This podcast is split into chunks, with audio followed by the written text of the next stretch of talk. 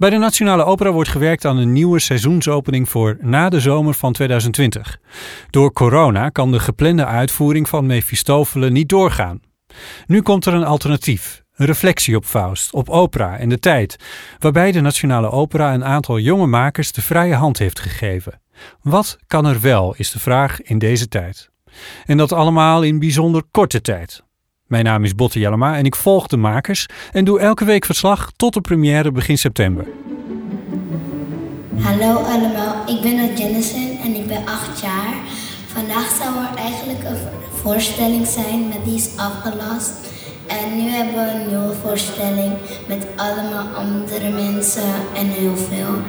En ja, ik hoop dat jullie het leuk vinden en luister goed. Dit is de opening van de voorstelling Faust Working Title, de alternatieve seizoensopening. En dit was bij de allereerste doorloop van de proloog op het grote podium. Deze week voor het eerst daar. Nog zeven dagen tot de première. Dit is de update van zaterdag 28 augustus. Hoe, hoe gaat het? Uh, nog niet zo goed, maar tenminste met mij. Maar dat is gewoon de zenuwen van zo'n eerste dag op het toneel. Lysenka Heijboer-Castagnon, maker en regisseur van de voorstelling. Het is maandagochtend. We zitten op de rode stoelen in de grote zaal van Nationale Opera en Ballet aan de Amstel in Amsterdam. Het is een spannende dag, want alle decorstukken worden nu het podium opgebracht. Bijna alle medewerkers zijn er. En vanaf nu moet alles wat Lysenka en haar medemaker en dirigent Manoy Kamps bedacht hebben, in elkaar vallen. Nou ja, de schaal is gewoon opeens weer anders. De orkestbak is echt mega. Uh, je ziet allemaal spullen die je in de repetitieruimte nog niet helemaal had. En dan denk je gewoon, oh wacht even, oké, nu verandert alles verandert gewoon weer. Um, en dat is altijd op deze dag.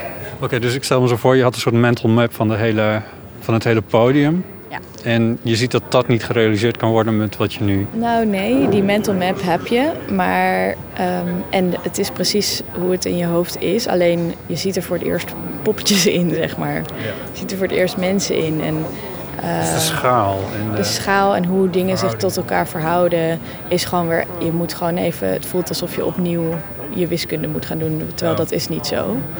Want in principe heb je wel op de juiste mate gerepeteerd. Maar er zitten gewoon muren omheen in de studio. En hier is het gewoon, ademt het. Dus dan voelt het alsof het iets anders betekent. Dus dat moet je gewoon gaan herdefiniëren. Uh, dus dat is gewoon, dat veroorzaakt dan gewoon een kleine hartverzakking, maar je weet dat hij eraan komt. Sophie de Lind verschijnt op het podium, de directeur van de Nationale Opera. Um, well, it is today I think the fourth week of rehearsals of uh, Faust, working title, and it is the first day on stage with chorus, soloist, large technical crews, I think since mid-March. So it's a very special day. And it's fantastic that we can make it work all together. Het is voor het eerst sinds half maart dat er weer voor een productie gerepeteerd wordt op dit podium. Toen werden de repetities voor Aufstieg und Fall der Stadt Mahagoni en Ritratto abrupt afgebroken. Hoe dat met de laatste ging, kan je horen in de mooie podcastserie Making an Opera van collega Stef Visjager. We do have a lot of questions and we have some concerns. I believe we all want the same. We want to be here, we want to create. And we want to do it in a very safe environment.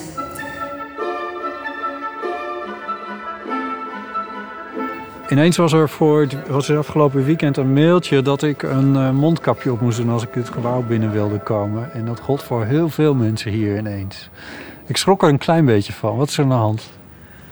Nou, er is niet zozeer iets aan de hand als dat dat Um, Productiemanager Anne van Doren. Uh, dus wij zijn begonnen met repeteren in een periode dat het eigenlijk nog heel rustig was in huis. En nu wordt het steeds drukker, want de dansers zijn ook weer aan het repeteren voor voorstellingen. Um, er komen steeds meer mensen terug van vakantie. En we werken natuurlijk ook nog steeds allemaal thuis. Maar ja, om dit te kunnen maken heb je veel mensen nodig. Dus ook meer mensen in het theater, dus meer verkeer. Uh, veel verschillende risicogroepen, zoals we dat noemen. Mensen die, zoals de dansers, wel met elkaar in contact komen en elkaar mogen aanraken. En mensen die afstand moeten houden.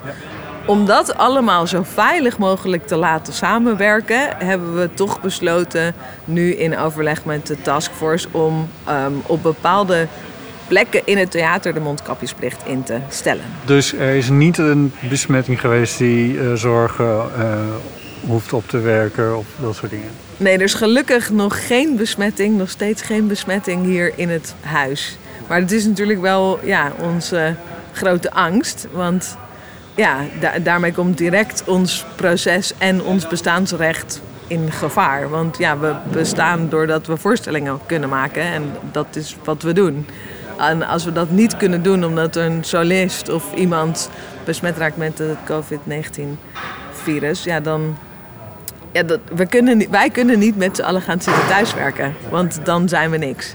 Dus vandaar dat we nu toch ook met nou, de toenemende drukte en ook natuurlijk heus ook wel met het, een oog, schuin oog kijkend naar wat er gebeurt in de maatschappij. Ja, we willen ons zo goed mogelijk daarop voorbereiden. Ja, het is heel veel meer werk dan het normaal. Ik hoop dat we de, een beetje de weg plaveien voor de toekomstige producties. Dus ik denk wel dat het veel meer werk blijft voor ons allemaal. Het is iets wat er wel echt bij komt. Ja, ja. Maar ja, gelukkig zijn we nu ook gewoon mooie dingen aan het maken op toneel. Dat doet me heel goed.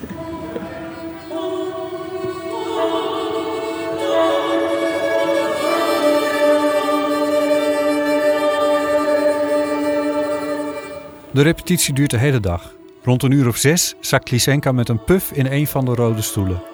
Uh, het gaat wel goed. Ja? Het gewoon begin aan zo'n eerste dag op toneel is altijd gewoon heel heftig. Maar we hebben echt een super goede dag gehad. Heel efficiënt gewerkt. Maar uh, ik heb ook nog het gevoel dat we alle liefde en intimiteit uit de studio-repetities niet kwijt zijn hier op het toneel. Dus dat is heel fijn. Want dat is gewoon heftig als je zo toneel op gaat. En dan moet er in één keer alles al op een andere manier geregeld worden. En de communicatielijnen lopen anders dan in de studio. En dan, ja, ik was een beetje bang dat we een soort van dat ja, kleine kwijt zouden raken met hmm. elkaar. Maar dat gebeurt volgens mij niet. Uh, want het was ook een heel gezellige dag. Um, en ik heb hele mooie dingen gezien. Dus ja, ik denk, oké, volgens mij zijn er in ieder geval. Ik heb een aantal dingen gezien vandaag die dan tot nu toe in ons hoofd alleen nog maar bestonden. En waarvan ik nu denk, oké, volgens mij klopt dit. Um, voorbeeld geven? Nou, er was. Er is één moment dat ik uh, op het achtertoneel allemaal uh, kinderen heb rondrennen met en die zijn aan het voetballen. En um, daar hadden we in de studio nooit plaats voor. Dat je dat tegelijkertijd met de scène die daarvoor plaatsvindt kon zien. Dus dat was altijd nog in mijn hoofd. Uh, is een van de aller, ideeën van bijna drie maanden geleden. Weet ik niet waarom, maar dat wilde is, is gewoon iets wat ik heel graag wilde. En nu zag ik het dus voor het eerst vandaag. En het is gewoon echt heel mooi. Dus ik ben daar heel blij mee. Hmm. Dus fijne soort van, ja, het is gewoon zo komt er elke dag toch weer iets nieuws nog bij. Vanavond gaan we licht focussen en de komende week belichten. Dus dat gaat ook weer nieuwe focus brengen in de voorstelling.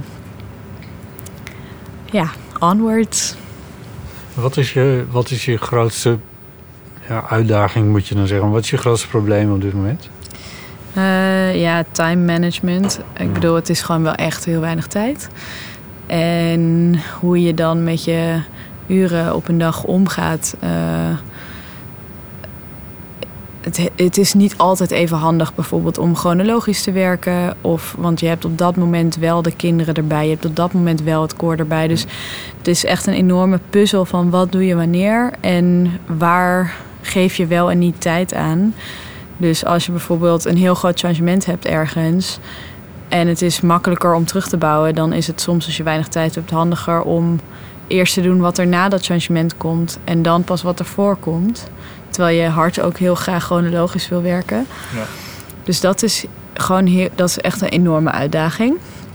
Maar dat gaat wel goed tot nu toe.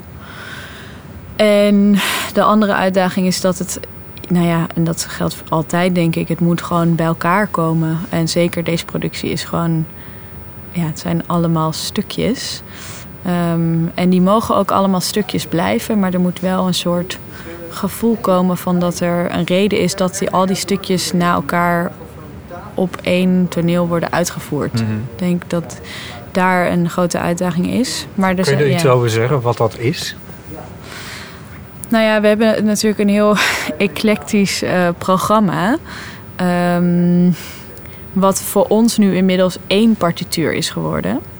En ehm, ik geloof dat dat ook steeds meer zo voelt voor iedereen op het toneel en hopelijk ook voor het orkest. Ehm, maar dan zijn er toch een aantal overgangen die nog.